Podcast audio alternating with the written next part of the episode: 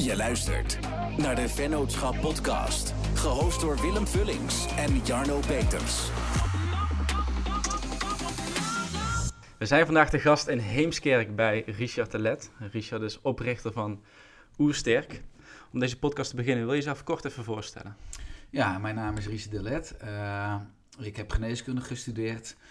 2002 begon ik op de VU in Amsterdam. Mijn doctoraal haalde ik 27 maart 2007. Uh, de maand erop liep ik vrij snel vast in het systeem. Ik werkte toen in Medisch Centrum Alkmaar. In juli 2007 besloot ik mijn witte jas op te hangen, omdat ik mijn, mijn bezieling compleet kwijt was. Uh, je kon mensen niet echt genezen, hè, de oorzaak aanpakken. Je bleef veel te oppervlakkig. Uh, ik had weinig tijd met mensen, hè, 7, 8 minuutjes, waardoor je ook niet naar de diepte kan. Uh, en ik was 24 jaar jong, ik was ook heel onzeker. Ik kon ook heel slecht uh, handhaven in het, de artsenkamer, wat toch een groot een ego-bolwerk is. Dus ik besloot te springen. Uh, daarop volgend een praktijk voor integrale geneeskunde begonnen. Ik ben me vier jaar gaan verhuren aan thuiszorginstellingen om alle opleidingen te kunnen financieren. Ik ben gespecialiseerd in de ortomoleculaire geneeskunde, in de psychoneuroimmunologie, dus de PNI, samenspel lichaam-geest. Uh, ook in psychologie, in voeding, in fytotherapie, planten, kruiden. Ja, dus ik ben enorm hongerig, enorm nieuwsgierig. Ik wil eigenlijk veel meer weten van het web van het leven. En uh, ja, dat, uh, dat, dat werkt allemaal voor geen meter. Mensen die, die waren nog helemaal niet met leefstijl of met voeding bezig. Dus in mijn praktijk leidde dat amper tot groei. In 2011 kwam ik in een soort crisis. Ik dacht, Richard, ben je toch een sukkel geweest? Dat je ja, zo eigenwijs moest zijn en je eigen weg wilde gaan in 2007.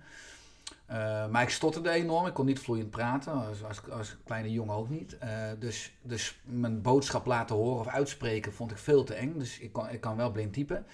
Dus ik denk, wat nou als ik die boodschap ga, uh, in een foldertje ga schrijven over voeding? Nou, toen dacht ik naar dat hoofdstuk, nee, voeding is altijd gekoppeld aan beweging. Hè, want je moet die, die pastinaak eerst uitgraven, of die bessen plukken, die noten kraken. Dus eerst energie verbruiken en dan pas energie inname. Uh, maar je eet pas een rotte appel als je een rotte appel voelt. Dus mindset moet er ook in. Nou, toen werd het al snel een boek met vier pijlers. Uh, en dat werd dus van een folder een boek. Het boek werd een bestseller. Ja, toen had ik mijn praktijk vol en een wachtlijst altijd gehad. En inmiddels negen boeken geschreven. Mijn eigen bedrijf, dus is wat uit de hand gelopen. Inmiddels tien mensen in dienst. En onze missie is dat in 2022 1 miljoen mensen een beter leven hebben door middel van de juiste zelfzorg. En dat doe dus met boeken, mijn eigen magazines, online cursussen, mijn eigen opleiding. Ja, en vele andere dingen. Ja, want we zijn er te gast bij jou op kantoor en het ziet er echt fantastisch uit. Er lopen veel mensen ook rond. Dus uh, ja, je ziet wel dat sinds 2011, sinds de crisis, uh, jouw persoonlijke crisis, dat het toch wel uh, immens gegroeid is tot waar Oersterk nu staat. Ja, dus absoluut. Er, het is een enorm stabiel bedrijf geworden. We groeien hard. En, maar daar heb ik ook enorm veel op moeten leren, ook als ondernemer. Ik heb een, een, een, een, een enthousiasme voor gezondheid, voor leefstijl, maar totaal geen ondernemerservaring. Ik kom ook niet uit een ondernemersgezin. Dus ik heb enorm veel fouten gemaakt, enorm veel leergeld. En uh, misschien komt dat nog terug straks. Maar uh, ja, dus de hele weg is enorm leerzaam geweest. Hey, en je noemt jezelf een, een bruggenbouwer. Ja. Um, hoe komt dat tot uiting? Uh, ja, ik, ik, noem mezelf een bruggenbouwer omdat ik me altijd in mensen verdiep. En ook als je een praktijk voor integrale geneeskunde hebt en mensen echt wil helpen, dan wil je onder de huid kruipen van mensen. En als je denk ik een dag in de schoenen van iemand zou meelopen, van wie het ook is, dan zou je stoppen met veroordelen. Want dan zou je iemand echt letterlijk begrijpen hoe het systeem is opgebouwd. Dus ook misschien de ervaringen in de kindertijd. Of de overtuigingen die je overgenomen hebt van papa of van mama of van het, onderwijssysteem. Uh, en dus ik ben steeds milder geworden. En ik ben mijn weegschaal, uh, of mijn sterrenbeeld is een weegschaal. Dus ik, ik, ik, ik, zoek ook altijd naar, dus ook weer balans, dus naar het bouwen van bruggen. En dan moet je toch wel vrij zacht en vrij mild zijn, omdat ik iets wil toevoegen. Ik wil een positieve boodschap toevoegen. En ik ben niet echt heel radicaal, of dat ik recht tegenover, of dat ik het conflict zoek. juist niet. Ik, ik gedij heel goed bij het harmoniemodel omdat ik denk dat ja, we moeten met z'n allen, dat is ook mijn missie, ik wil de aarde vitale doorgeven aan mijn twee zoons, aan Noah en James. En dan moeten we naar elkaar luisteren op, oog, op, op ooghoogte. Dan moeten we openstaan voor elkaars boodschap. Uh, en vanuit die universele verantwoordelijkheid die we hebben, ook voor, voor de aarde, dan moeten we uiteindelijk bruggen bouwen om te zorgen dat niet alleen wij zelf, maar ook de aarde vitaler wordt. Ja, ja. Hoe kan het uh, dat de geneeskunde nog niet zo ver is? Of daar niet over nadenkt, of nog niet zoveel over nadenkt? Ja, de geneeskunde is heel erg groot geworden vanuit, uh, ja, de, voor 1900 was de belangrijkste doodsoorzaak infectieziekte. Uh, nou, toen was het voor every ill een pil. En mensen waren doodziek. En er was eigenlijk één echt medicijn antibiotica, uitgevonden in 1928, ontdekt, kan ik beter zeggen. Uh, en ja, na 1900 is de belangrijkste doodsoorzaak een ongezonde leefstijl geworden. We behandelen nog steeds klachten en ziektes met één pilletje, alsof het een bacterie, een virus of een schimmel of een parasiet is.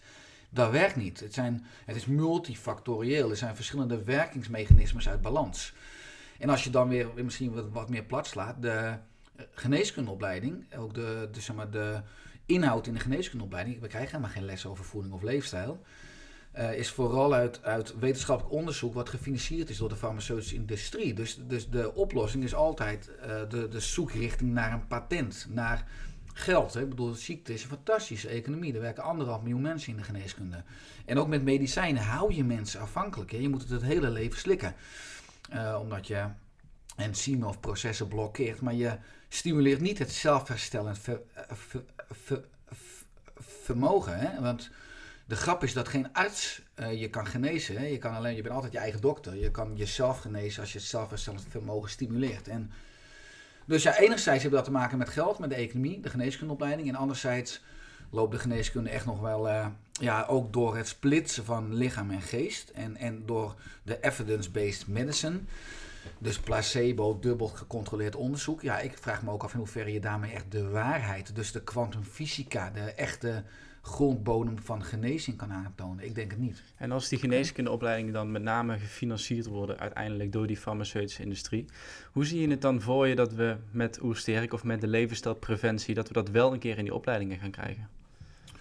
Ja, dat is uh, een enorm goede vraag. Waar ik dus tegenaan liep, is dat ik jarenlang gevochten heb tegen het systeem. En ook van jongens en schudden aan die boom. Van hey, jullie moeten meer doen met voeding en leefstijl. Maar het past er ook gewoon niet in. Ik bedoel, 10 miljoen mensen zijn chronisch ziek in ons land. De wachtkamers zitten iedere dag vol. Die artsen hebben ook geen half uurtje of een uurtje om ook over leefstijl of een leefstijlplan te maken. Is niet realistisch. Dus ik ben gestopt met vechten, omdat vechten ook niet bij mij past als mens en als ondernemer. Ik denk, wat nou als ik een gezond, preventief nieuw gezondheidssysteem ga bouwen ernaast? Want het, is, het kwalijke is wel dat iedereen dus onnatuurlijk leeft nu. Mensen eten zes of acht keer per dag eten vooral bewerkte suikers en koolhydraten, wat niet aansluit bij onze motor. Mensen zitten veel te veel, mensen hebben chronische stress, mensen slapen te weinig, mensen hebben geen levensdoel, mensen hebben te weinig sociale verbinding. Dus allerlei processen raken uit balans. Het lichaam gaat signalen geven, dat noemen we klachten in de geneeskunde. En met die klachten gaan we naar de geneeskunde, terwijl die geneeskunde, dat systeem, helemaal niet opgeleid is om de gevolgen van onnatuurlijk leven te herstellen. Dus, we, dus ten eerste kloppen we aan bij een huisarts, of zelf ook in het ziekenhuis, is vaak de verkeerde deur. Maar dat is wel zo, als je klachten hebt, zegt iedereen, moet je even langs de huisarts. Maar dat systeem is niet opgeleid om de oorzaak van de klachten aan te pakken waar mensen nu uit, uit balans doorraken. Dus dat vind ik enorm pijnlijk, dat de patiënt uh, vandaag, ook, ook zeker vandaag, niet de beste zorg krijgt. Dat er geen brug is tegen de, de, met de reguliere en de complementaire geneeskunde. Door ego, door belangen, door geld. Dus ja, uh, dus dan kan je blijven schreeuwen. Of je kan je eigen systeem gaan bouwen. Dat doen we dus nu ook onder andere met onze opleiding. Als ik, ik heb gedacht, als ik nou duizend mensen ga opleiden, die ieder jaar duizend mensen kunnen helpen, dan kan ik 1 miljoen mensen per jaar helpen. En, en dat is nu de afslag. Ik denk dat er ook 1 miljoen mensen in, in ons land openstaan voor een hele andere aanpak. Uh, want de massa, de ongezonde witte kudde, die, ja, die wil gewoon nog misschien een pilletje hebben bij de huisarts. En de mensen die jij opleidt met je Oestek opleiding, wat voor, wat voor mensen zijn dat? Wat voor beroep oefenen zij uit?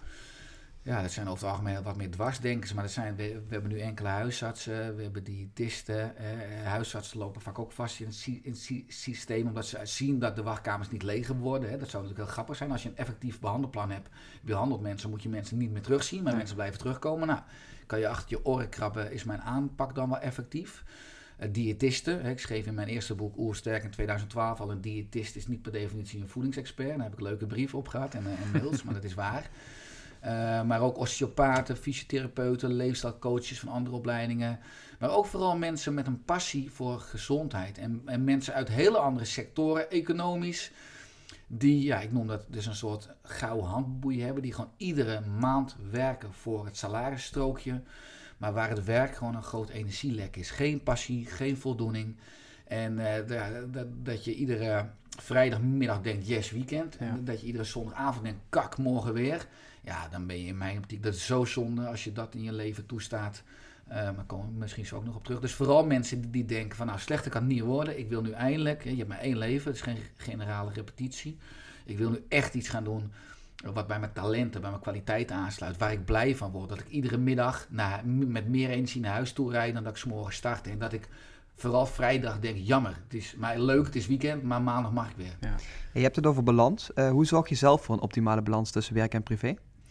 Ja, voor, voor mij is dat een heel dun scheidslijntje. Uh, dit is mijn levenswerk. Ik heb nooit het gevoel dat ik werk. Uh, zoals nu, ja, ik ben met jullie een podcast aan het opnemen. Dat, dit is voor anderen die, die zouden zeggen dat ik nu aan het werk ben.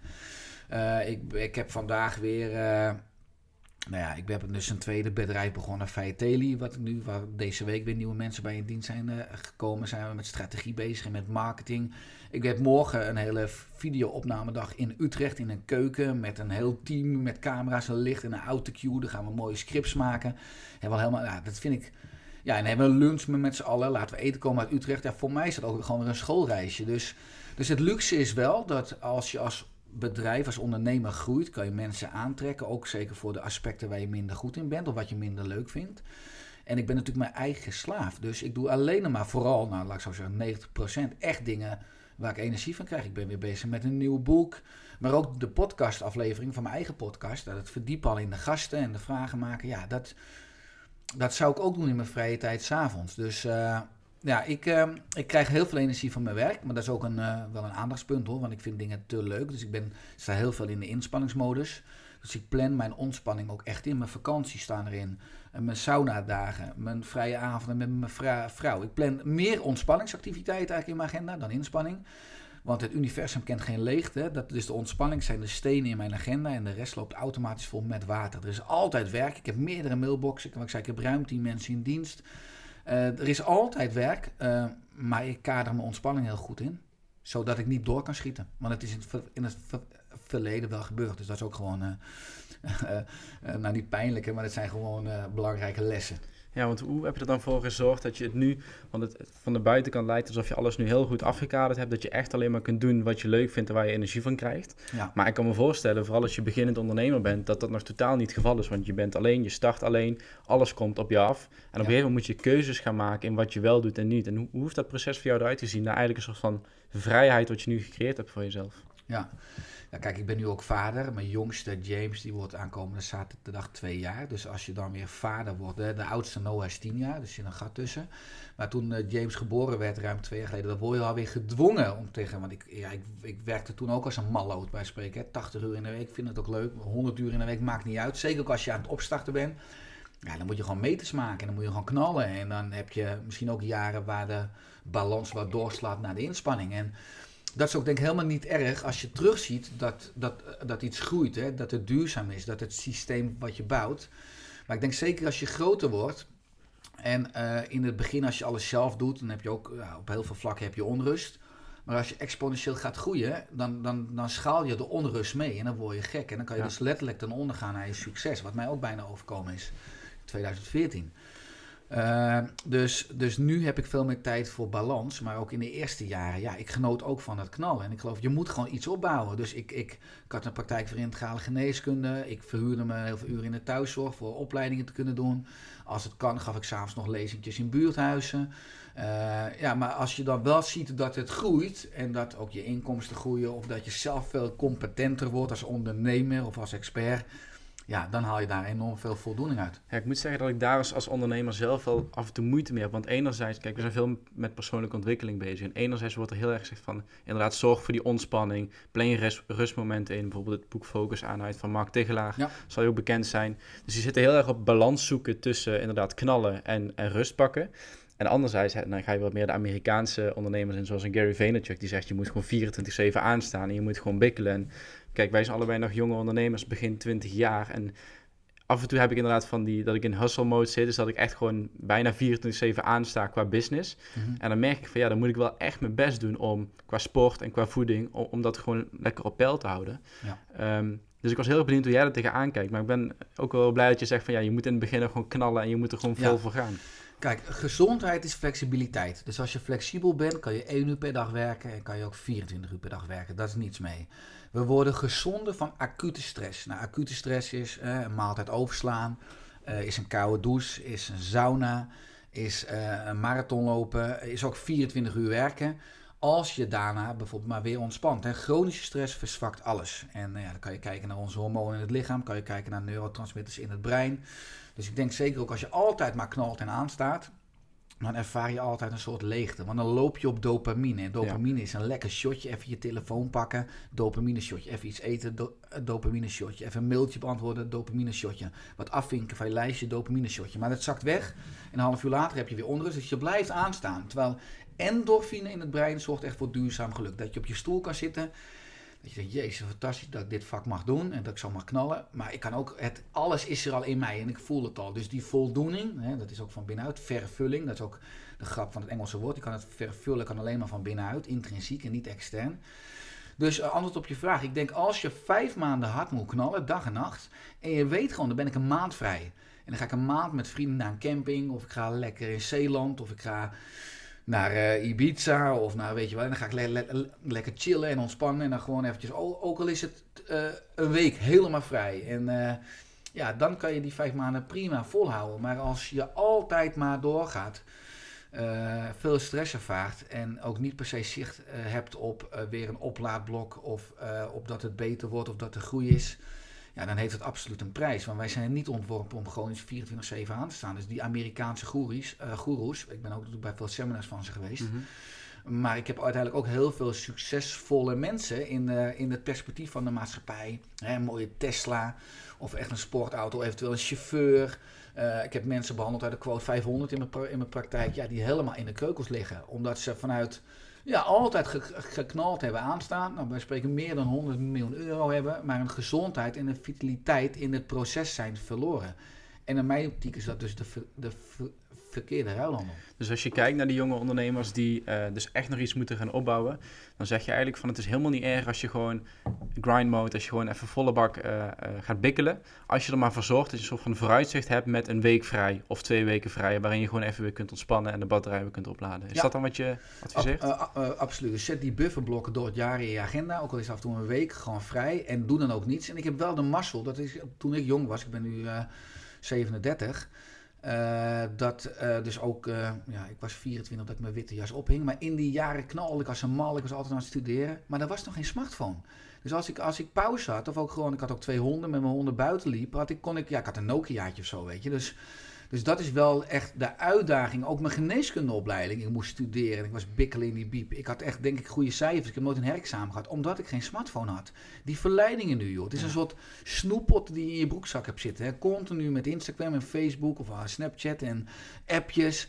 Dat gaat maar door. Dus ook als je af en toe een week of een maand niets doet wat ik ook doe, ik gooi hem gewoon op de trap. Dus ik gooi hem gewoon in de hal van mijn huis in een apart bakkie. Want, want ja, dat is echt de grootste uitdaging om te beheersen. Want als je op dat schermpje zit, dan blijf je dus nog steeds in die sympathicus dopamine ontstekingsrespons zitten. En de natuur of vrienden, zoals hoe wij nu hier zitten, uh, dat is echt parasympathicus, endorfine en opladen, ontladen. Ja. Er is, uh, er is op onze leeftijd nog iets wat uh, de balans verstoort. En dat zijn de weekenden. Ja. En uh, nu met corona valt dat natuurlijk uh, tegen. Alleen, um, heb jij tips om daar ook de balans uh, in te kunnen vinden? Want je weet, bij onze leeftijd ga je op zaterdag ook een keer stappen. Je en... moet stappen, veel alcohol drinken. Ja, en ja. Hoe, hoe gaat dat dan? Ehm, hoe, hoe, hoe, kun je daar, hoe kun je dat best oplossen? Ja, kijk, dat stappen of dat veel alcohol drinken is natuurlijk helemaal geen probleem als je door de week al gezond leeft. Dat is een stukje tekstcontext. Dus dat is wel de uitdaging als je de hele week al bikkelt. Maar als je onder het bikkelen gewoon zorgt voor goed eten. Hè, veel groente. Ik ben een voorstander van een pond groente per dag. Dus eet bij twee maaltijden groente. Nou, als je ook dan groentes eet als bloemkool en broccoli of ui of knoflook of gewoon vis. Dat is echt levervoedsel. Dus die zit vol met methylgroepje. Nou, dat helpt je lever enorm om te ontgiften. En als je dan wat meer alcohol drinkt, dan is het helemaal geen probleem. Dan kan je lever prima ontgiften afvoeren. Veel water drinken, veel thee drinken fase 2 uh, eh, ontgifting in de lever is hydroxylatie. Dus dat doen we met, met hydro, met water. Dus als je al weinig water drinkt, dan ben je eigenlijk ook wel een beetje aan het vergiften, omdat je veel afvalstoffen opslaat. En dat zie je vaak ook als je veel alcohol drinkt. Dan, dan, dan, dan, dan werk je in op het ADH, dus een hormoon waardoor je meer water uitscheidt. En dat zorgt er vaak voor dat je echt een kater hebt of koppijn hebt, omdat je veel meer een droge bek hebt. Omdat je gewoon veel meer water uitgeplast hebt relatief. Dus ga daarna ook gewoon ju juist weer veel water drinken. Uh, maar dus nogmaals, als je door de week gezond leeft. Ik heb vroeger, als ik kijk ook, wat stond iedere vrijdag, zaterdag in de kroeg. belachelijk veel gedronken. En, ja. Doe je dat nu nog? Hm? Doe je dat nu nog af en toe? Ik kan het niet meer. Want het, het, het grap is ook, dat enzym in je lever pas zich aan. Dus ik zou wel weer heel veel kunnen gaan drinken. En na drie maanden is mijn leven wel weer aangepast. Maar als ik nu echt gewoon vijf biertjes drink. En ik hou dan wat meer bij sprek nu van, spe, van speciale biertjes. Ja, dan ben ik echt. Dan kan, heb ik gewoon twee dagen nodig om te herstellen. Uh, dus uh, ik, ik kan het niet meer. En ik kan het bijna ook niet meer qua agenda. Want ik heb nu zo efficiënte agenda met zulke grote projecten en impact dat ik, het, dat ik dat niet meer toesta. Dat ik gewoon. Uh, maar ik heb laatst was mijn schoonzusjaar. Die werd. Moet ik het goed zeggen, maar misschien dat ze luistert. Hè? maar ik was 27. Ja, heb ik vier gin tonics op. Jezus, missen man. De, de, de dag erna. En ik, wat ik zeg, ik ben ook vader. Ik moest echt mijn best doen om gezellig te zijn. En ik ben gewoon die avond daarna, lag ik om acht uur, half negen al in mijn mandje. Ik denk, oh ja, zo. En dan is het nog maar vier gin tonics, zeg maar. Dus uh, ja. Want nou, neem je die dag dan gewoon verliefd, die dag daarna? Als je gewoon weet van, ja, dit gaat nog gewoon niet worden vandaag. Ja, maar mijn oerbrein zit natuurlijk wel gewoon... Ik wil de hele dag gewoon in bed blijven ja. liggen en een serietje kijken. Ja, dat kan niet. Uh, zeker niet als je vader bent. Dus, dus natuurlijk uh, neemt mijn mensbrein het over en ik ben actief. En dan juist ga ik lekker naar buiten toe, want dan is het juist makkelijker. En ga ik lekker met de jongens. We hebben een grote tuin met kippen, dus ga ik lekker in de achtertuin rommelen.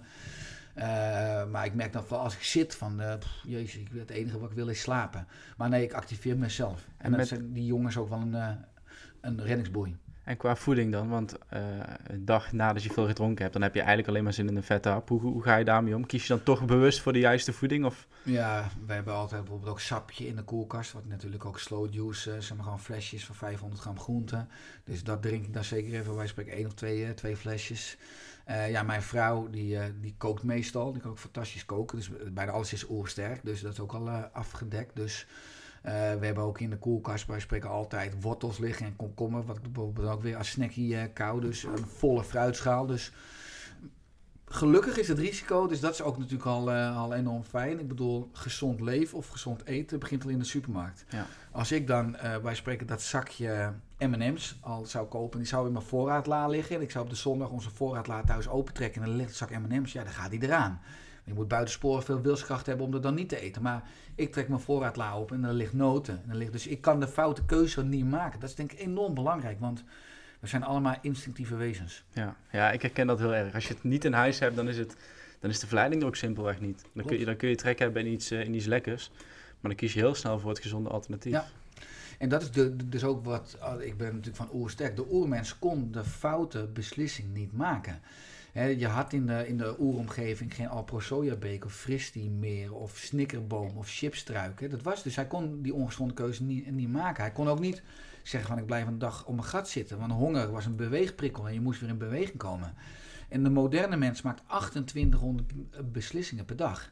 Terwijl ons brein er helemaal niet voor ontworpen is. En daarom is het dus fijn dat je aan hele succesvolle ondernemers ook, hè, van uh, Steve Jobs of Mark Zuckerberg, hè, dat die hebben één stapel met twintig dezelfde t-shirts en dezelfde spijkerbroeken. Dus die hebben allemaal keuzes al, dat ze daar geen energie aan hoeven te verspillen. En dat ze al hun vitale brein, creatieve energie, kunnen gebruiken aan die dingen waar ze impact mee maken. Hoe pas je dat zelf toe? Ja, ik heb een heel eenvoudig leven. Ik, uh, ik ben de laatste jaren steeds meer aan het ontspullen. Ik heb ook niet zoveel spullen. Ik geef er niet zoveel om. Wat ik leuk vind is een horloge. Nou, ik heb een mooie klok. Uh, twee, twee mooie klokken. Uh, trouwens geen Rolex hoor. Daar heb ik nog lang geen geld voor. Voor de bands die, die, nu actief zijn. maar verder is mijn leven heel erg, heel erg simplistisch. Ik, ik heb het huis ook in de straat waar ik kantoor heb. Dus ik heb één minuut fietstijd op de fiets. Ik ben de vader, toen het nog mocht, die het meest op het schoolplein stond. Mag nu ook niet met, met corona. Ik lunch iedere dag thuis van, twaalf, van, van 12 half 2. Ik ben iedere avond om half 6 ben ik aan tafel. Dus ik heb heel erg de, de laatste jaren de afslag minder en beter. Dus ook qua bedrijf. Ik heb heel veel projecten en producten geschrapt. Want ieder project geeft veel naar details en werk en onrust. En het is gewoon enorm eenvoudig en overzichtelijk. En de impact die je maakt, ook gewoon in je hoofd, in je agenda, maar ook gewoon op je bankrekening, euro's, is echt veel groter als je durft te kiezen. Dus ik zeg bijna nooit meer ja. En ik zeg bijna altijd nee tegen allerlei dingen in mijn leven. Dit is wel echt een actualiteit bij ons op kantoor. Want hier zijn we echt heel concreet voor volgend jaar mee bezig om die doelen te stellen. En niet meer alles aan te bieden, maar heel specifiek en daar goed in te worden. Um, wat vind jij een gezonde en eenvoudige lunch voor op kantoor? Uh, dat is bijvoorbeeld... Uh, wat heel erg makkelijk is, is dat je s'avonds gewoon even iets extra's maakt. Hè? Ik bedoel, je kookt toch al. En dat kan je eventueel meenemen als lunch een dag later. Als je op je kantoor eventueel iets kan opwarmen. Maar ik ben ook een enorm groot voorstander van salade.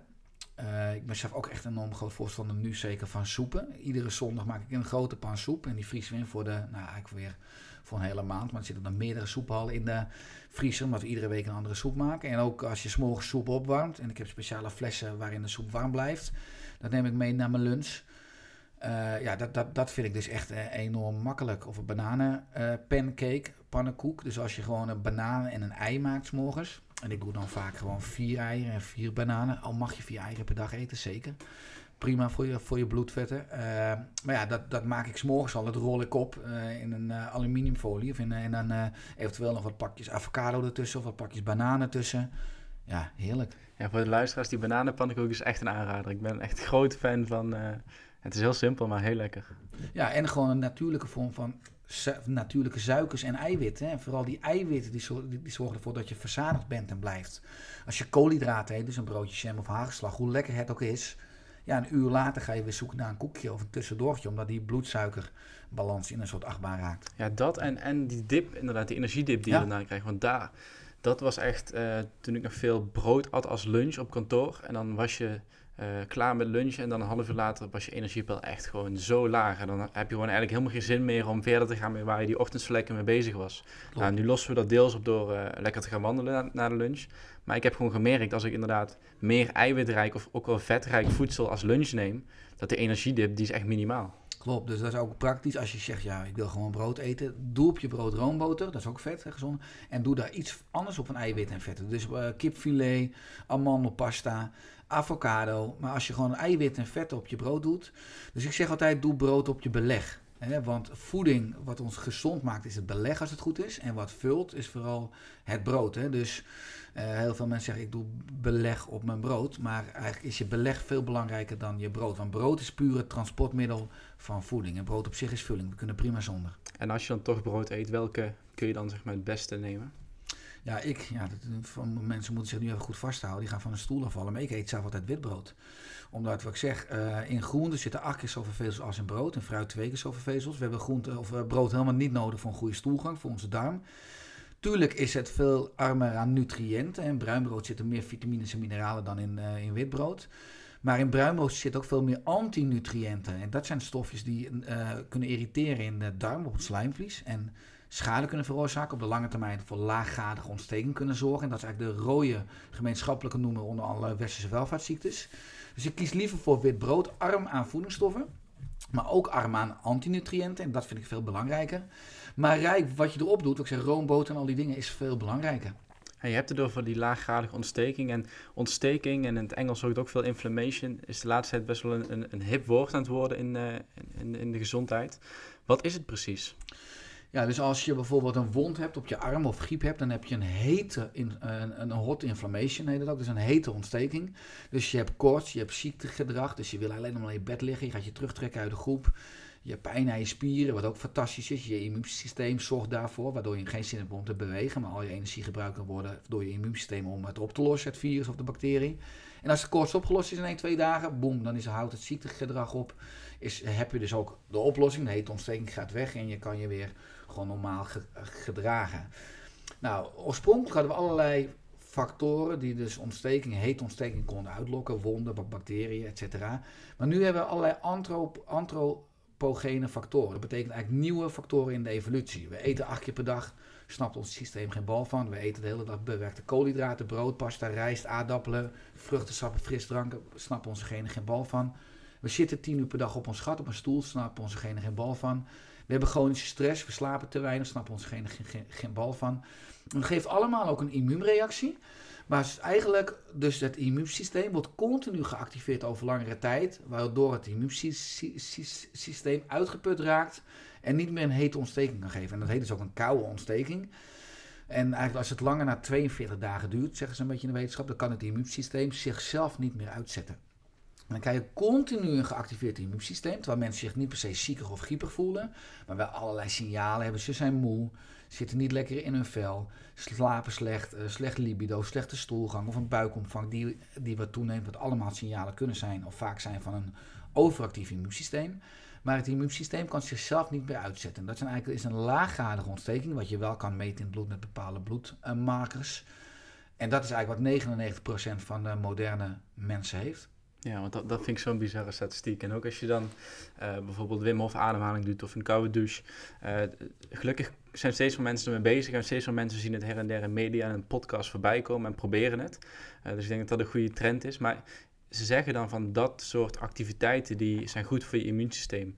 Is het dan ook zo dat doordat het goed is voor je immuunsysteem, het immuunsysteem kan voorkomen dat die ontstekingen zich constant voordoen? Zeker, maar het ook kan voorkomen dat er ontsteking komt inderdaad. Dus je kan het enerzijds oplossen en dan kan, je kan het ook voorkomen. Dus we moeten uiteindelijk, we leven nu als softies. Het oerbrein hè, is gemaakt voor comfort en die wil gewoon zoet en zout eten, het wil stilzitten, het wil prikkels. Nou, daar zijn allerlei industrieën voor nu die uh, die instincten kapen. De voedingsindustrie en de comfort- en de entertain, uh, entertainmentindustrie. Uh, dus daar moeten we eigenlijk boven, dan moeten we gaan ontstijgen. Want we kunnen als mensen, we kunnen ons ontstijgen boven onze beestachtige instinct van het oerbrein. En je moet dus leiding gaan nemen over je agenda, over je gedrag. Door iedere dag, bijvoorbeeld wat ik ook doe, te mediteren. Door koud te gaan douchen. Door minimaal één keer in de week naar de sauna te gaan. Door drie dagen per week sla ik een maaltijd over, intermittent fasting. Uh, door uh, regelmatig te bewegen en minder te zitten. Ik had gisteren ook een meeting met iemand op kantoor. Ben ik een uur in Heemskerk gaan lopen. Ik bedoel, is, trouwens heb je ook veel betere creatieve inzichten en ideeën in plaats van maar een, een, uur aan de tafel te gaan zitten. Maar mijn oerbrein zegt, ja, waarom zou ik, weet je Waarom zou ik in godsnaam dat die warme kraan van mijn douche uitdraaien? Dat is koud, ik ben toch niet gek? Terwijl het mensbrein in de acute stressreactie met de anti-ontstekingsstofjes die al die activiteiten aanmaken, daar worden we gezonder van. En daarmee kunnen we ook voorkomen dat we laaggradige ontsteking krijgen. Of als we het hebben, kunnen we het oplossen. Ja. Hoe zit het met voedselintolerantie? En hoe kom je erachter of je uh, voedselintolerant bent? Ja, uh, veel mensen hebben, dus je hebt eigenlijk voedselallergieën, dat is celiakie. Dan kan je geen brood eten of gluten eten, dan vooral dan krijg je ontstekentjes in de darm. En uh, merendeel van de mensen heeft voedselintolerantie, bijvoorbeeld ook voor gluten en granen. Hè. Sommige experts zeggen 70%. Dus als je een week geen brood eet of een week geen koemelk zou eten, kan je al merken, hey, heb, ik, heb ik meer energie? Zit ik lekkerder in mijn vel? Slaap ik beter? Dat zijn vaak al veel voorkomende signalen. Dus de meeste mensen weten helemaal niet dat ze intoleranties hebben. Want die zeggen, ja, ik voel me altijd wat moeier of dit hoort gewoon bij me. Dan ga dan een keer een week oersterk eten. Dan kom je erachter hoe je je werkelijk zou kunnen voelen. Maar je hebt ook allerlei uh, testen qua ontlastingsonderzoek hoe je het zou kunnen meten. Of eventueel ook bloedonderzoek hoe je het zou kunnen meten. Maar dat is allemaal wel ja, vrij kostbaar, wel een paar honderd euro. Het, het gekke vind ik, ik heb, uh, als ik bijvoorbeeld zuivel eet, dus kwark of yoghurt of iets in, iets in die richting daar ga ik eigenlijk best wel goed op. Als ik het als lunch neem, dan weer gewoon lekker aan het werk gaan. Want waar we het net over hadden, dan heb ik die energiedip dus vele malen minder dan als ik bijvoorbeeld brood of koolhydraten eet. Maar het gekke is, als ik uh, nu een bakje kwark zou eten en ik zou over een half uur of een uur in hard lopen, 10 kilometer, dan uh, krijg ik een, een of andere reactie. Ja, hoe leg ik dat uit? Um, je krijgt energietekort in je brein. Ja, ik, ja dat, dat is het misschien wel. Druk op mijn borst, mijn ogen lijken een beetje zo uit te puilen. Lijkt een allergische reactie. En dan denk ik van ja, enerzijds ga ik er heel lekker op als ik niet intensief ga sporten daarna. Ja. Anderzijds, ik moet het niet voor het sporten nemen, want dan gaat het helemaal mis. Ja, dus ja, kwark, de stoffen in kwark, laat ik zo zeggen, zijn insulinogeen. Dus die stimuleren ook je insuline. Waardoor je vooral op je suikers kan branden. Je wil vooral als je gaat hardlopen of een durenspanning doet, wil je natuurlijk heel erg flexibel zijn. Dat je ook vetten kunt gebruiken als brandstof. Want dat is natuurlijk de duurzaamste brandstof. En de meeste mensen die kunnen alleen maar op suiker verbranden. En dan loop je dus ook spreekwoordelijk tegen die muur aan, hè? de man met de hamer. Omdat je dan ga je bij spreken ook trillen of je, je, je brein krijgt glucose tekort. Hè? En uh, dan ga je ook uh, merken van dat je prikkelbaar wordt of gaat trillen of dat je gewoon niet verder kan of pijn op de borst ervaart. En dat is het onvermogen om van suiker als energiebron te gaan switchen naar uh, vetten waar het caseïne onder andere, dus de, een, een stof in kwark ook voor kan zorgen. Dus ja, dat is geen optimale mensvoeding en zeker niet als we het dagelijks eten. Ik ben dus een voorstander van de drie dagen regel. Laten we die evolutionaire nieuwkomers als mens zijn we ongeveer 160.000 jaar oud. Nou, pas sinds 8000 jaar hebben we landbouw en veeteelt. Dus hebben we brood en, en kwark en koemelkproducten. Laten we dat dus maximaal één keer per drie dagen eten. Dus variatie, het grootste voedingsprobleem is gewoon eenzijdigheid. Ja. En dat, dat los je op door variatie. Dus praktisch de drie dagen regel. Zorg voor drie favoriete ontbijtjes. Zorg voor drie favoriete lunches. En dan heb je het probleem, dus eenzijdigheid al opgelost. En dan zorg je voor een veel betere communicatie met je darmbacteriën, met je immuunsysteem met je insuline uit je alvleesklier en ook veel meer het vermogen om zowel op suiker als op vetten te kunnen branden. En je had het net over het verbranden van vet of het overgaan van verbranden op vet in plaats van glucose en koolhydraten. Uh, komen eigenlijk een beetje op het onderwerp intermittent fasting. En uh, Willem en ik hebben het er in een eerdere podcast redelijk uitgebreid over gehad. dat we er zelf mee bezig waren. En ehm, dit is nou typisch een voorbeeld waar ik persoonlijk heel lekker op ga. Ik vind het fantastisch. Ik heb nu ook, het is nu eh, 11 uur en uh, vanochtend nog niet gegeten. En vanmiddag staat de eerste maaltijd op het programma. Um, dus ik ga er persoonlijk heel lekker op, ook qua energieniveau.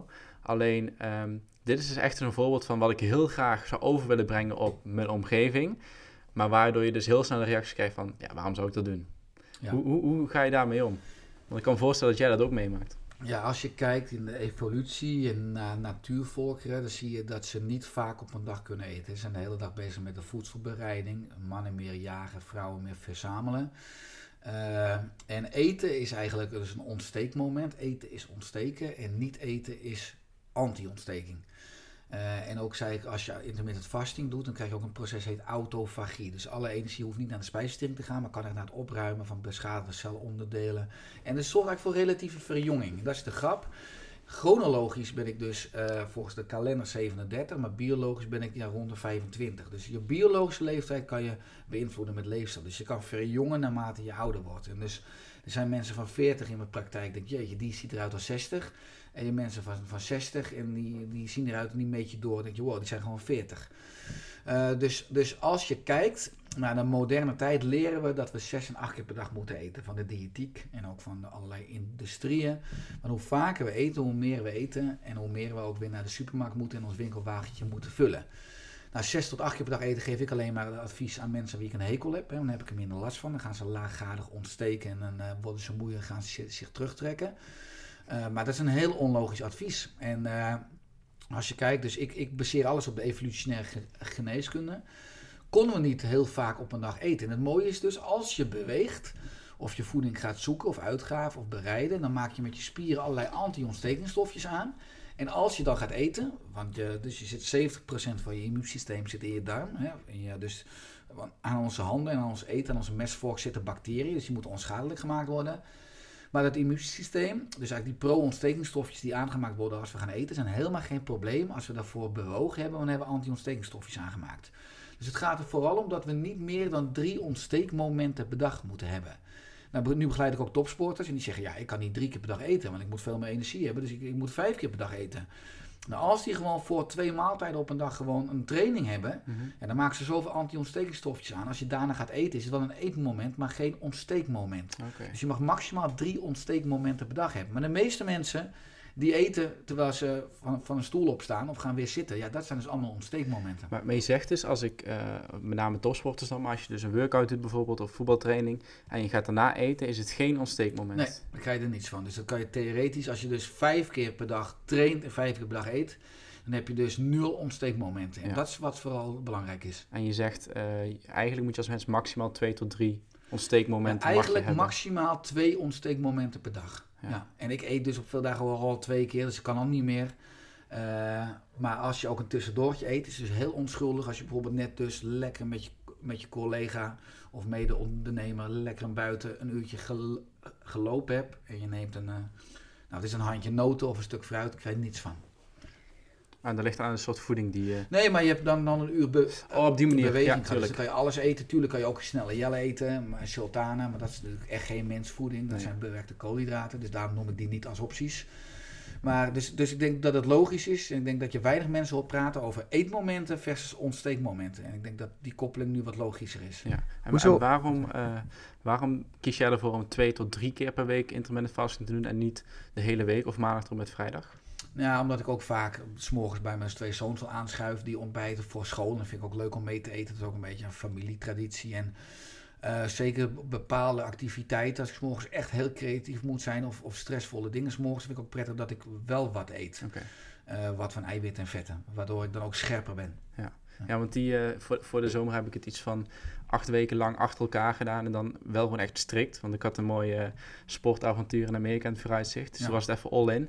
Um, en toen was het ook in de weekend inderdaad, s'avonds na acht uur, niks meer, geen uh, caloriehoudende dranken, gewoon helemaal niks. En dan, ik merkte toen gewoon, ja, nu gaat het gewoon ten koste van dingen als ontspanning, dingen als met vrienden lekker iets drinken. Uh, uh, dus ik, ja, ik vind het wel mooi dat je ook een soort van balans kunt pakken. Want als je nou research gaat doen op internet, dan is het vaak van ja, als je intermittent fasting doet, dan moet je het de hele week doen. Ja. Maar eigenlijk kun je daar gewoon je eigen methode in vinden. Het is altijd persoonsgebonden, het is altijd maatwerk, zeker. Ja. Hoezo wijk je in veel gevallen af van het voedingscentrum? Nou, het voedingscentrum gaat de laatste jaren steeds meer naar mij en Oersterk toebuigen. Dus je ziet dat ze nu steeds meer zeggen van het belang van meer groenten, uh, het belang van uh, meer vet en eiwitten, het belang van uh, ja, minder bewerkte koolhydraten. Dus dat is een beetje de grap. Hè. In de jaren van 1970 zei de diëtiek vermijd vetten als je niet dik wil worden. En nu zeggen ze inmiddels weer vermijd vetten als je slank wil worden. Dus ja, dus, oh nee, sorry. Dus als laatste, ga vet eten als je slank wil worden. Dus dat, er zijn afgelopen tientallen jaren diverse verkeerde afslagen genomen door voedingsonderzoek, wat veelal ook gefinancierd is door de voedingsindustrie, waar enorme commerciële belangen spelen. Er is een enorme lobbycratie, ook in, vooral in Brussel, maar ook in Den Haag. Als je kijkt naar voeding, want er is wetgeving over roken. 18 jaar. Er is wetgeving over alcohol 18 jaar. Maar er zijn meer ziektelast van geraffineerd suiker. Er zit, hè, ik bedoel, het meer dan roken en alcohol bij elkaar. Maar waarom komt daar geen wetgeving op? Ja, er is al lobbycratie. Het gaat om miljarden. Als je ziet dat al die sportevenementen, WK, Champions League, Coca-Cola, Heineken, McDonald's, is natuurlijk gewoon een hele slechte grap. Uh, maar dus terug naar, naar jouw vraag, voedingscentrum. Ja, ik denk dat het algemene advies van het voedingscentrum misschien wel realistisch is als je 17 eh, miljoen mensen een advies moet geven wat ook haalbaar moet zijn en realistisch. Maar het sluit niet goed aan op onze evolutionaire oorsprong, hè, wat het gewoon optimaal is. Ik hou me echt bezig met optimaal. Dat betekent onderaan heb je dus minimaal. Dat is ook veel voedingsadviezen. Die kijken naar de ADH's, de aanbevolen dagelijkse hoeveelheid, om gebrekziektes te voorkomen. Nou, ik noemde de achterhaalde dagelijkse hoeveelheid, de ADH. Mhm. En dan heb je gemiddeld, maar je hebt ook optimaal. Nou, mijn fascinatie ligt bij optimale gezondheid. Ja, dat red je niet met de schijf van 5. Of ik noem het dan de schietschijf van 5. Hè, met, maar het gemiddeld, dus als 17 miljoen mensen een reëel praktisch advies aanbieden. Ik denk dat daar het voedingscentrum goed in slaagt. Maar ik ben dan nog echt bezig met, ja, dus misschien noem het gewoon gezond leven als topsport. En het maximale uit jezelf halen, waardoor je het maximale aan de wereld kan geven. Ja, dan moet je echt wel iets van het, vo het voedingscentrum afwijken. Ja, want een mooi voorbeeld is roomboter. Uh, kun je aan de luisteraars uitleggen het verschil tussen uh, margarine en halverine? Ja, margarine is natuurlijk uh, ja, met enorm veel scheikundige chemische stappen gefabriceerd. Vroeger ook in ontbreken aan linolzuur, omega-6, wat, wat ontstekentjes geeft. Dan wordt er nu weer wat omega-3 toegevoegd. Als toevoeging dan noemen we rijk aan omega-3, wat niet waar is. Ik vind het enorm kwalijk dat de, dat de Hartstichting samenwerkt bijvoorbeeld met B-cel. Dat het, dat het logo van de Hartstichting op, uh, en dat soms op parkeerplaatsen van Albert Heijns of supermarkten een prikbus staat van de Hartstichting. En als je dan een uh, verhoogd cholesterol hebt, wat veroorzaakt wordt door uh, nou, laaggradig door onnatuurlijk leven. dan moet je dus minder margarine eten en meer roomboter, maar dan krijg je een B-cel folder mee. Ja, dat is echt, echt, echt onethisch. Uh, dus er is een, uh, een, mythologie ontstaan in het jaar 1967. Angel Keys, een onderzoek, verkeerd uh, opgezet onderzoek, wat later ook aangetoond is. Van dat je door verzadigde vetten ehm, verhoging krijgt van cholesterol en misschien ook nou, dan meer welvaartsziektes, ontstekingen. Dat is compleet onjuist, want verzadigd vet in minimale mate is gewoon ja, prima. Hè. Dat zou, zou je kunnen zeggen dat dat ontstekingen remt. Als je, als je een pak roomboter per dag eet, oké, dan kan je ervan gaan ontsteken. Maar dat doet niemand, dat lukt niemand. En dat is natuurlijk ook niet gezond. Uh, maar uh, ja, roomboter is gewoon verzadigd vet. En ook als we hier zitten, als we praten, dan is vet onze brandstof. En dat is dus een vitaal vetzuur. En we mogen daarnaast gewoon veel meer omega-3 vetzuur hebben. Of we nou groene bladgroentes doen, of noten, of ook lijnzaad, of ook dus vooral uit vis, schaal- en schelpdieren, algen. Maar we mogen vooral veel, meer, uh, veel minder omega-6 vetzuur eten. Bewerkte voeding, zonnebloemolie, raapzaadolie, safloerolie, pindaolie in alle pakjes en zakjes. Maar ook B-cel is door mensenhanden gemaakt. En uh, ja, in mijn optiek een negatief effect op de bloedvetten en op nou, allerlei andere systemen. En roomboter is gewoon een natuurlijk product, de vetfractie van melk. Uh, ja, en, uh, en dat is een vitaal vetzuur waar we, waar, we veel meer van mogen innemen. Dus smeer absoluut roomboter op je brood als je brood eet. En er is in mijn wereld één plek voor margarine. Dat is een pullenbak. En, en is het niet zo, want we hadden net over het oerbrein dat heel vaak de overhand neemt in, ja, in wat we doen en laten, ook qua voeding en beweging. Uh, maar is het niet zo dat de marketing, dus bijvoorbeeld zo'n BCL en de Hartstichting die dan samen heel veel marketing voeren en op alle productverpakkingen staan, is dat ook niet gewoon een hele grote factor uh, wat ervoor zorgt dat we verkeerde keuzes maken in de supermarkt? Zeker.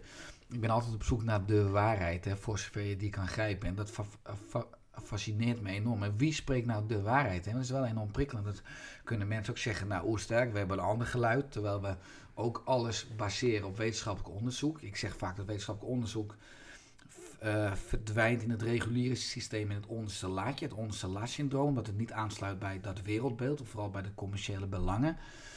Maar ja, ik ben continu op zoek naar de waarheid. En ik ben dus ook continu aan het kijken wie schrijft dit, hè? welke belangen, hoe zit de financiering erachter.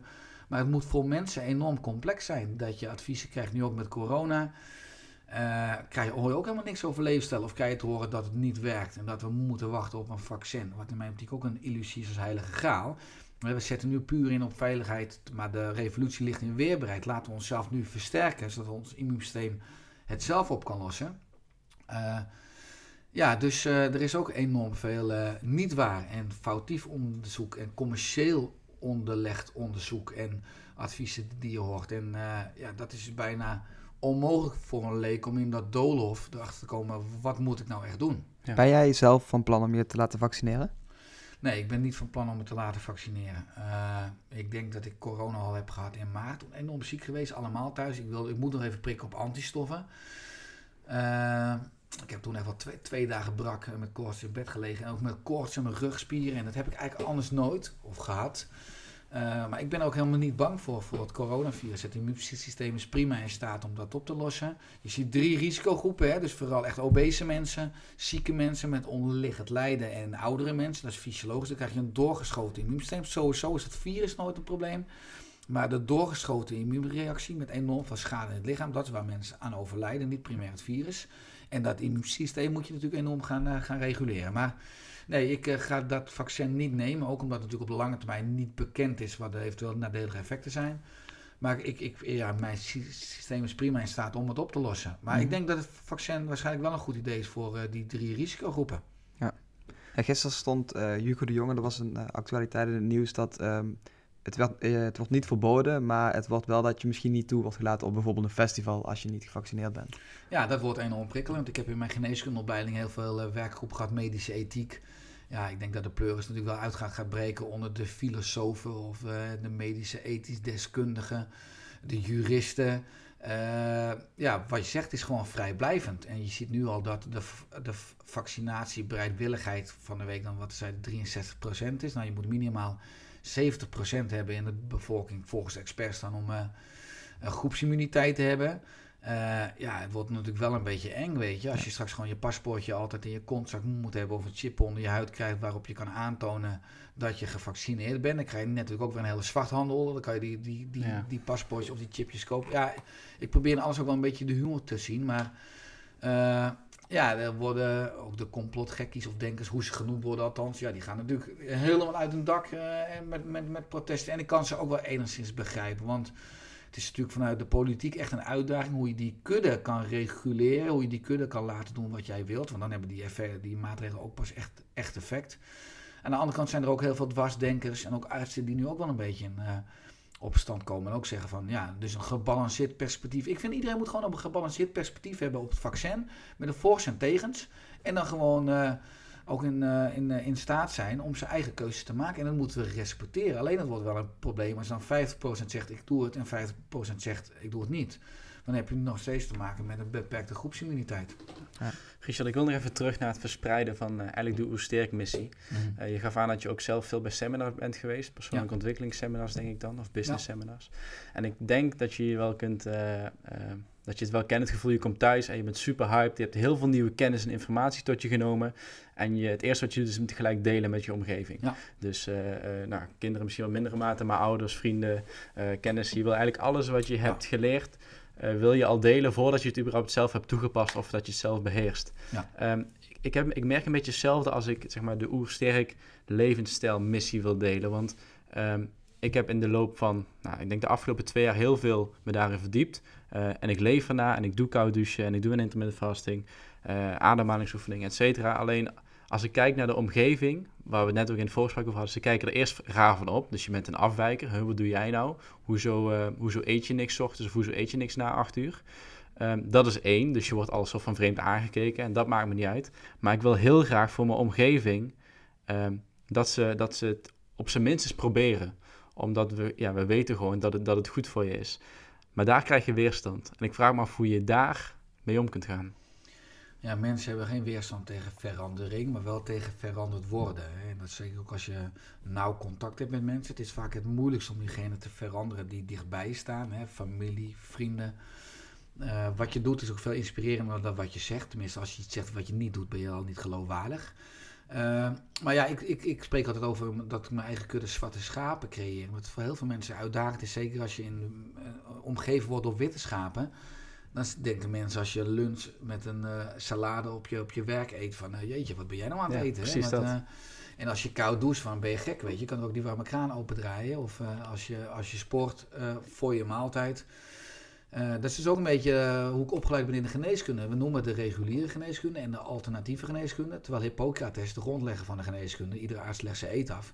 Die werkte met leefstijl en lichaamsappen en allemaal natuurlijke interventies die zou zich in zijn graf omdraaien als hij zou zien hoe vanuit zijn naam nu de reguliere geneeskunde uh, wordt bedreven. Dat is eigenlijk de alternatieve afwijkende geneeskunde. En de complementaire geneeskunde is eigenlijk de reguliere geneeskunde, hoe het altijd is geweest. Dus ook als je kijkt naar normen en afwijking, wil ik heel graag prikken, uh, prikkelen omdat mensen mij ook een afwijker noemen. Maar ik voel me als een van de weinigen normaal in een afwijkende maatschappij. Dus ja, dat is wat ik probeer met al mijn diensten, met al mijn lezingen, ook met humor en met veel plaatjes, dat mensen ook gaan snappen dat hoe ze zich gedragen vanuit evolutionair perspectief compleet onlogisch is. En dat het niet logisch is om brood te eten, of om op je gat te zitten, of om uh, s'avonds op de bank te hangen met Netflix, in tegenstelling dus met vrienden samen iets te doen of erop uitgaan. En uh, ja, dus, maar uiteindelijk uh, kan je mensen dus niet veranderen. En ik heb dus, ja, mijn vriendengroep is radicaal anders dan tien jaar geleden. Ik ben de meeste vrienden en vriendschappen zijn, vriendschappen zijn gewoon veel waard, uh,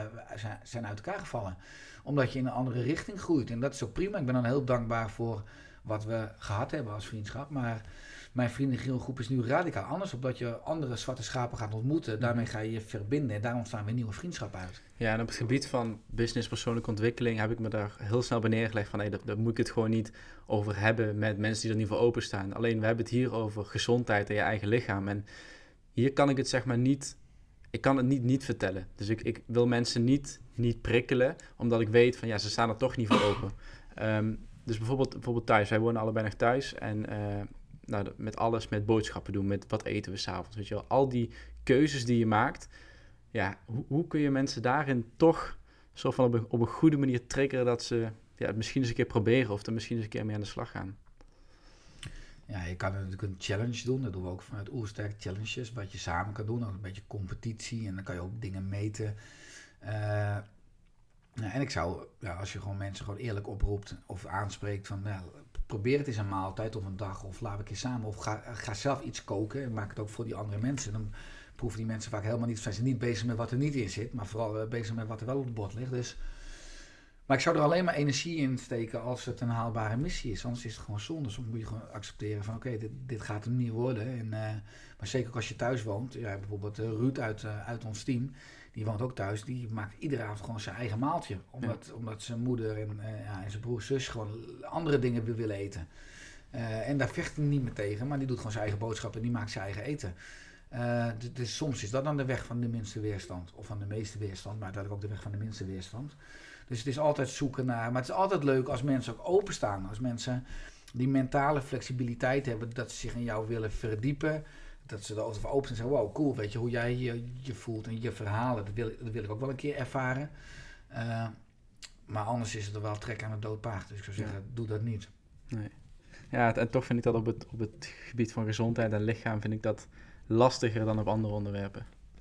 Nou ja, kijk, als ik het bij mezelf hou, mijn familie en mijn schoonfamilie, die, uh, ja, die, die, die, die leven ook niet per se oersterk. En ik heb dus negen boeken geschreven. Nou, bijna 250.000 boeken verkocht. En nou, fijn, ik denk dat heel veel mensen me wel als expert zien, zijn maar niet per se. En dan komen ze af en toe bij me, hé hey Richard, ik heb nou een boek gelezen van een, een, nou, iemand anders uit het veld. Of ik heb een krantartikel gelezen van iemand anders uit het veld. En die zei dit over, over koolhydraten of over groenten of over intermittent fasting. En ik heb het nu even twee dagen geprobeerd. Maar ik voel me er beter. Ja, ik ben al te vaak van mijn stoel gevallen. Ja, dat, dat schreef ik al in 2012. Er zijn ja. heel veel boeken. Ik heb al mijn boeken gratis aan jullie gegeven. Persoonlijk, maar die hebben ze ook niet gelezen. Maar het is toch, ik sta veel te dichtbij of zo. Dus, dus ik heb het al opgegeven dat ik de mensen die me nabij staan zijn verander, uh, kan veranderen. Maar ook dat het mijn verantwoordelijkheid is. Dus ik geef het ook gewoon echt terug. Ik heb al mijn handen vol aan mijn eigen leven. En ik heb mijn eigen uitdagingen.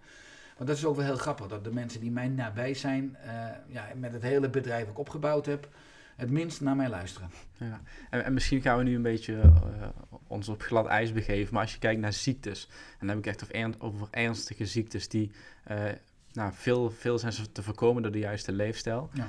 Heb je dan iets zoiets van, dat herken ik niet bij mezelf en ik moet daar een beetje mee oppassen. Van als ik dus mensen in mijn omgeving hoor die ziek worden, um, dat ik zoiets heb van, ja, maar ja, als je geleefd had volgens bepaalde principes en, en gewoon gezond en vitaal geleefd had, dan had je nu waarschijnlijk of minder ziek geweest of misschien wel niet ziek geweest.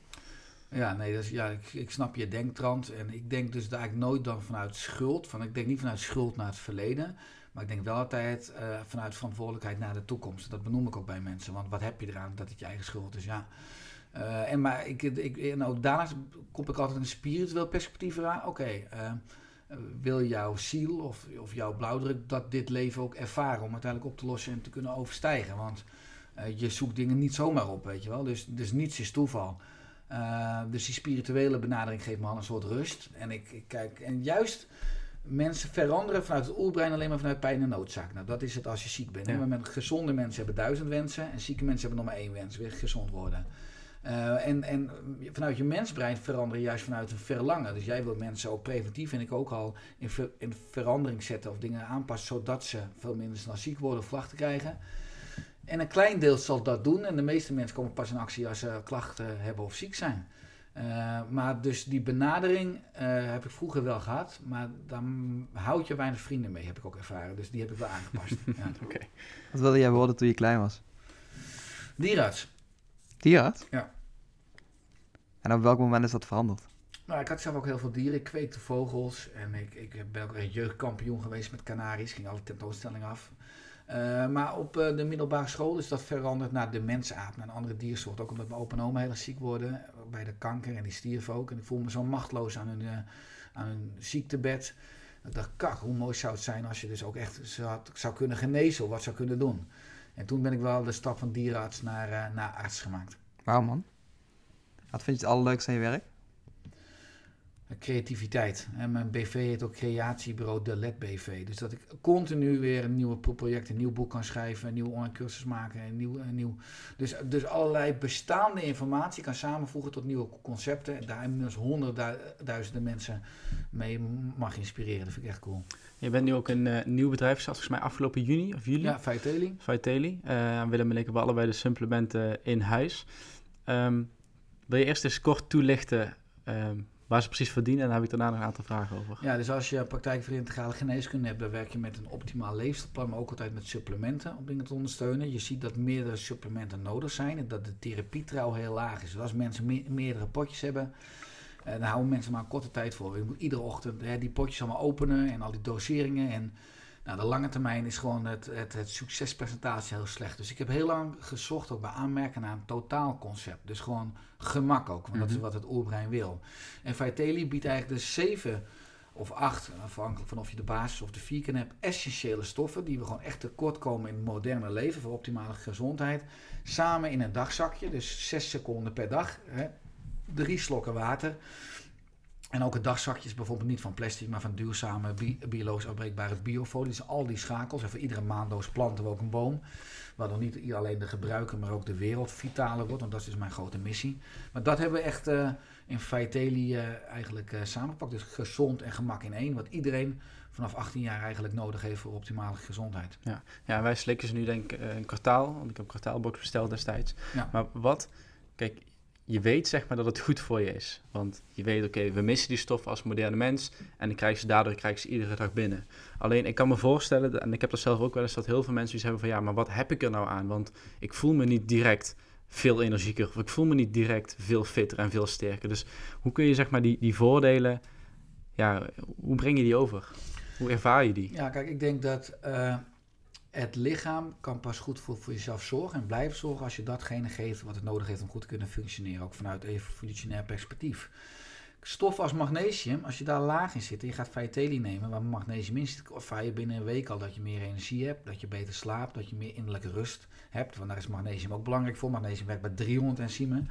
Maar ook op de lange termijn. Iedereen wil gezond en gelukkig oud worden. En zeker ondernemers, die zorgen heel goed voor een BV, maar over het algemeen minder goed voor een ik-BV. Dus uh, dat zou fantastisch zijn als je daar ook een dashboard van zou hebben. Maar als je vitale bloedvaten wil behouden, en dan moet je naast vitamine D3, wat slikken, ook vitamine K slikken. Anders ga je die mineralen parkeren in de bloedvaatwand en niet in de botten. Dus vitamine K is enorm belangrijk, vooral op de lange termijn. Nou, als je flexibel wil zijn, dus in je lichaam veel energie, maar in je, in je, in je kop ook veel creativiteit, heb je omega-3 vetzuren nodig. Die zorgen letterlijk voor de flexibiliteit van iedere cel, maar ook van je brein. Nou, ook als je kijkt naar goede schildklierfunctie, uh, jodium en selenium, uh, zink, een goede functie van je immuunsysteem. Ja, die stoffen heb je gewoon nodig. En uh, zeker als je je verdiept in de ortomoleculaire geneeskunde, kan je jarenlange opleiding, alle experts, alle, alle artsen, alle pioniers wereldwijd zeggen gewoon dat je deze stoffen moet nemen. En vooral op de lange termijn ga je dan merken dat je ja, veel minder, veel kleinere kansen hebt op welvaartsziektes. En dat je veel ouder zult worden met een grotere kwaliteit van, van leven. En dat is wat iedereen wil. En de grap is een beetje dat we vanuit het systeem een basiszorgverzekering moeten hebben. Dat is verplicht. Nou, we gaan nu naar 120 euro per maand. Mensen betalen 4 euro per dag. Nou, Vitaly is anderhalf euro per dag, dus minder dan een kop koffie. Maar, en dat mensen dat niet uh, willen doen, maar wel op de lange termijn, als ze dan ziek worden of dingen hebben, er alles voor over zouden hebben en dan echt 10.000 euro's of tonnen of miljoenen, afhankelijk van hoe rijk je hebt, want dat is natuurlijk het, uh, het perspectief, om datgene weer terug te krijgen. Dus uh, ja, ik denk als je meer je verdiept in je lichaam en wat je lichaam ook nodig heeft om vitaal oud te worden, ja, dan heb je geen andere keuze om deze stof te gaan maken. En dat is wat iedereen wil. Maar laat het niet over aan het toeval. Of aan, aan sterke genen. Of aan het lot. Hè, want dat is zon. Je kunt zelf enorm veel doen. Het leven is niet maakbaar maar wel stuurbaar. Je kunt het sturen met onder andere Vitaly. Ik kreeg die uh, kwartaalbox binnen en Willem had nog volgens mij iets eerder. Dus ik maak die open en ik zie die pillen en ik dacht, oh, oh dit wordt een probleem. Want ik, ik kan dus gewoon, ik kon, ik kon echt geen pillen slikken. Ik kreeg geen paracetamol weg, ik deed hem altijd oplossen in wat water. Mm Toen heb ik jou nog een bericht gestuurd van, uh, ja, wat moet ik doen, weet je wel, hoe kan ik ze binnenkrijgen? Het gaf je aan, zo'n, uh, ja. gaf je aan van, je kunt zo'n zo'n crusher kopen bij de ja. apotheek. Vergruizen van, van, van eurotje. Ja, ja. vergruizen geprobeerd en uiteindelijk, nou, oké, dat werkte, maar dan had ik dus een groene smoothie met, met die uh, uh, verguisde tabletten erin. Ja, dat smaakt niet super lekker, laat ik het daarop houden. Mm -hmm. uh, en uiteindelijk, sinds ik denk nu een maand, kan ik nu gewoon met water van die grote pillen slikken. Dus ook een persoonlijke winst van mij geweest. Die, dat heb je ook echt als een over overwinning gevierd. was ik blij. Ja, nou, ik moet Super wel trots. zeggen, ik, in, er komt een upgrade aan van uh, Vitaly basis. En de tabletten zijn een kwart kleiner. Okay. En ook veel beter breekbaar. Dus uiteindelijk zijn ze veel beter door te slikken. Kijk, super, ja. super. Welke persoon inspireert jou? Welke persoon inspireert mij? John De Martini. Die kennen we die ken ik Dat is echt een, uh, ja, een wereldberoemde Amerikaan die net als Robbins de hele wereld over reist. Maar ik vind hem nog uh, tien keer sterker. In mijn optiek echt de expert op het gebied van psychologie. Maar dat ook koppelen aan de fysiologie. Dus als je de psychologie, uh, de psychologie koppelt aan de fysiologie en de stofwisseling. Wat ook beide terugkomt in onze Ooster coachopleiding. Dan koppelen we ook body aan mind dan kan je ook zien dat een ongebalanceerde perceptie, hè, dus ook als je, nou ja, dus eigenlijk ben je ongebalanceerd als je, nou ja, dus niet het totale perspectief ziet, want het, nou ja, een beetje spiritueel, alles is liefde. En uh, ook als je boos bent of kwaad bent, of nu kwaad bent op corona en, en bla bla bla, dan heb je mij optiek een ongebalanceerd perspectief, want dan zie je niet de voor- en nadelen gaan altijd samen, alles heeft voor- en nadelen. Maar zijn cursussen en zijn visie en ook zijn uh, boek over, over, je, over je kernwaarden en dat helder maken, en daarop ook je leven op baseren. En je kan heel veel video's van hem ook vinden op YouTube. En, uh, maar hij is echt uh, iemand die in mijn optiek het best het hele web van het leven snapt. En, dat, en alles van, van het leven.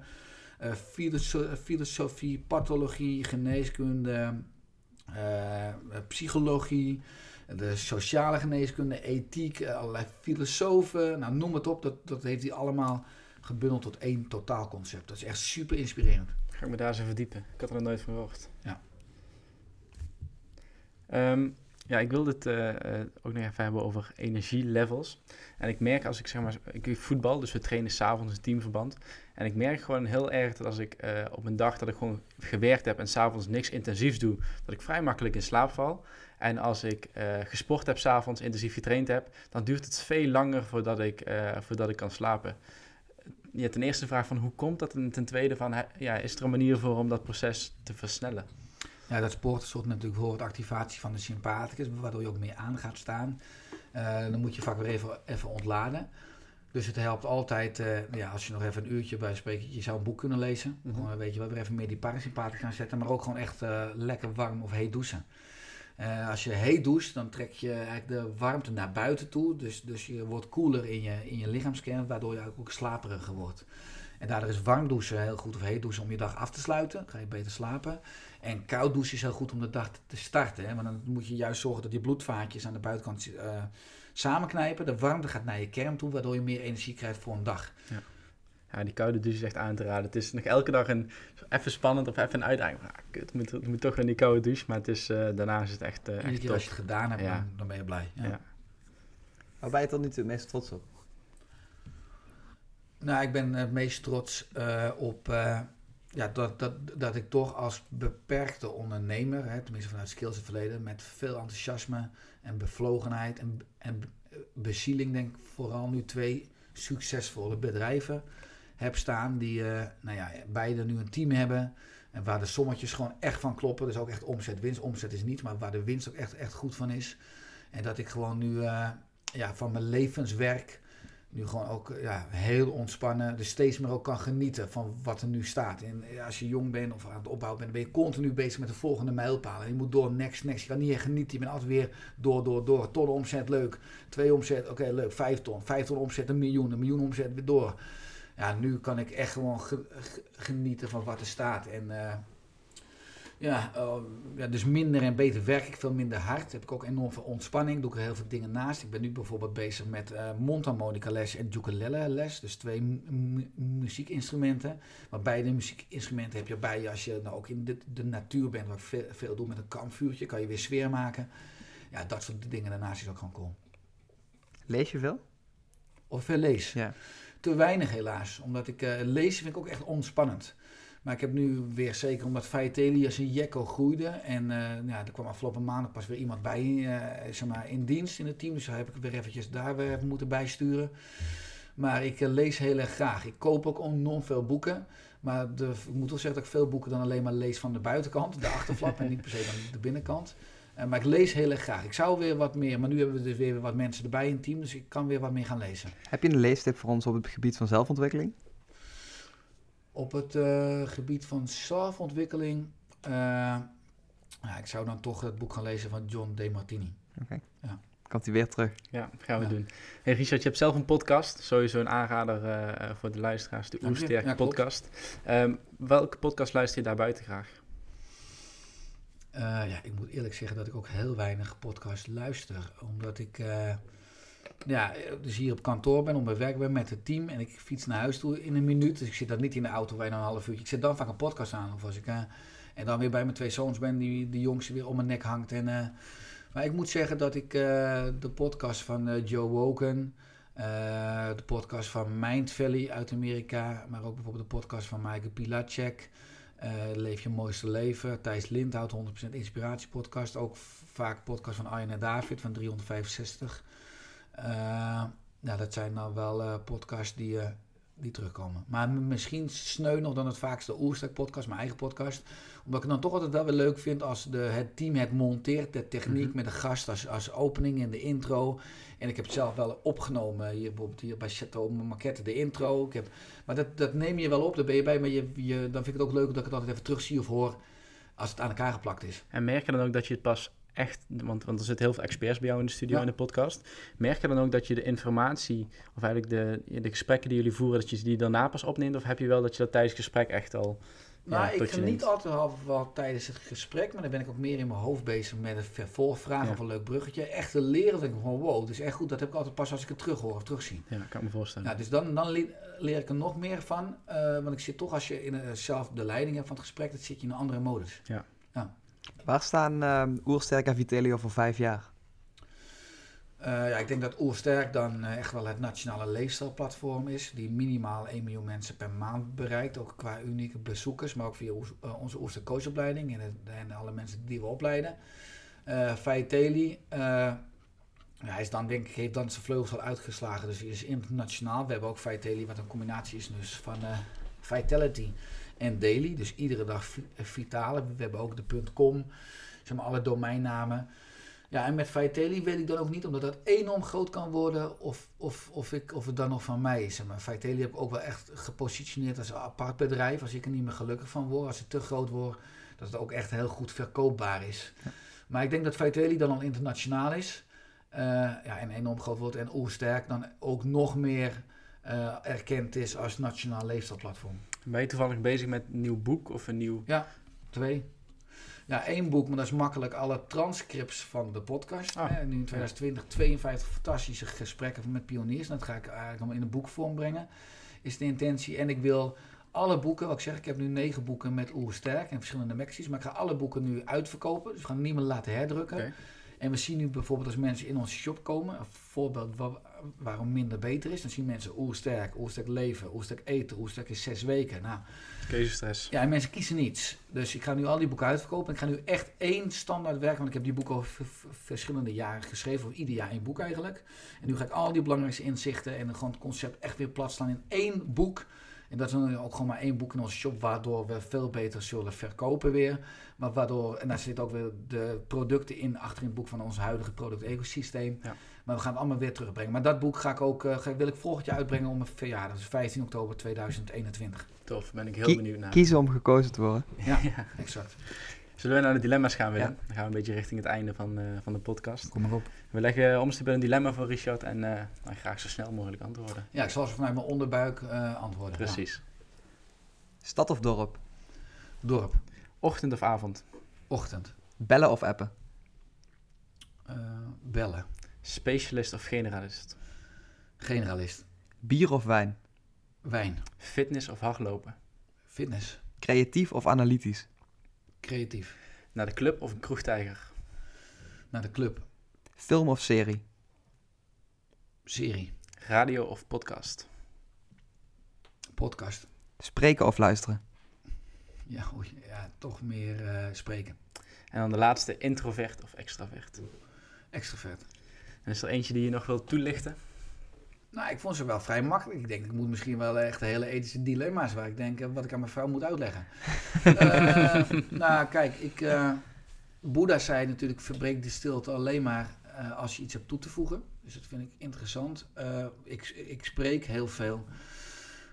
Maar omdat ik het leuk vind en ik denk dat het nodig is dat mensen mijn boodschap krijgen over gezond leven. Want ja, we zijn de weg behoorlijk kwijt. Maar uiteindelijk vind ik dat ook weer heel erg inspirerend om te luisteren. Ik verbind me continu naar, met experts, internationaal. Ik volg heel veel seminars over de hele wereld. Wat nu dan ook eventjes op zijn gat ligt met corona. Dus ik doe nu heel veel online.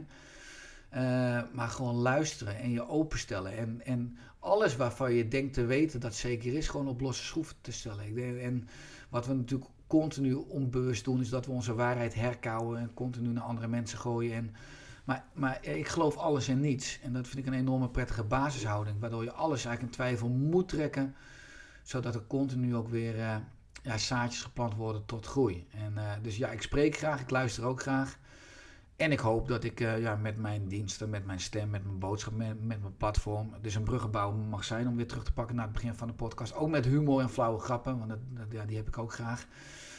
Maar dat we zo echt samen kunnen en mogen bouwen aan een vitalere wereld. Tof, dat vind ik een hele mooie missie. Ja, we hadden, nog, uh, we hadden nog honderd vragen kunnen stellen, maar we zitten op een uur en een kwartier. Dus laten we hem, uh, laten we hem langzaam gaan afronden, Richard. Ja, thanks. En um, wij eindigen altijd met een gouden tip voor onze luisteraars. Ja. Nou ja, de gouden tip is natuurlijk, uh, ga naar www.oerstek. en er zit heel veel gratis content op bak, dus geniet en profiteer ervan. En ga naar www.feiteli.nl met V-I-T-A-I-L, Grieks I.nl. En Zeker. bestel jouw pakket. Maar de gouden tip is gewoon, uh, ja, ga je eigen weg. Hè? Uiteindelijk kan je alleen maar voldoende energie hebben. Niet als je gezond eet, als je veel sport en als je veel ontspant. Als je niet datgene doet waarom je hier op de aarde bent. Als je datgene doet wat bij jouw blauwdruk past. Hè? Dus de O van oersterk van ontspanning, de E van eten en de R van regelmatige beweging. Maar sterk is van mindset en dan combineer ik eigenlijk body, geest, ziel. Dus doe datgene waarom je hier op de aarde bent. Dus zoek de stilte af en toe op en luister eens naar je hart of naar je onderbuik, je intuïtie. En, en waarom ben ik hier? En doe ik datgene waar ik ook altijd van gedroomd heb en waar ik echt, nou, dus ook echt energie van krijg. En gezonde leefstijl geeft uh, brandstof, geeft energie, maar uiteindelijk draait het, moet dat de juiste motor. En de motor is zingeving. Dus zorg dat je op de juiste plek in het leven bent. En als je daar de juiste leefstijl aan koppelt, dan is het 1 plus 1 in zelf. Top. Ontzettend bedankt Richard. Dankjewel dat we te gast mogen te zijn. Uh, en heel veel succes met het uh, verspreiden van je Oersterk-missie. Thanks man. Heel graag gedaan voor, uh, voor de, het podium. En ik vond het mooi dat ik bij jou zaadjes heb kunnen planten. En jullie ook alle goeds en geniet. Thanks. Dankjewel. Bedankt voor het luisteren naar de Vennootschap podcast. En vergeet niet te abonneren op Spotify en Apple Podcasts.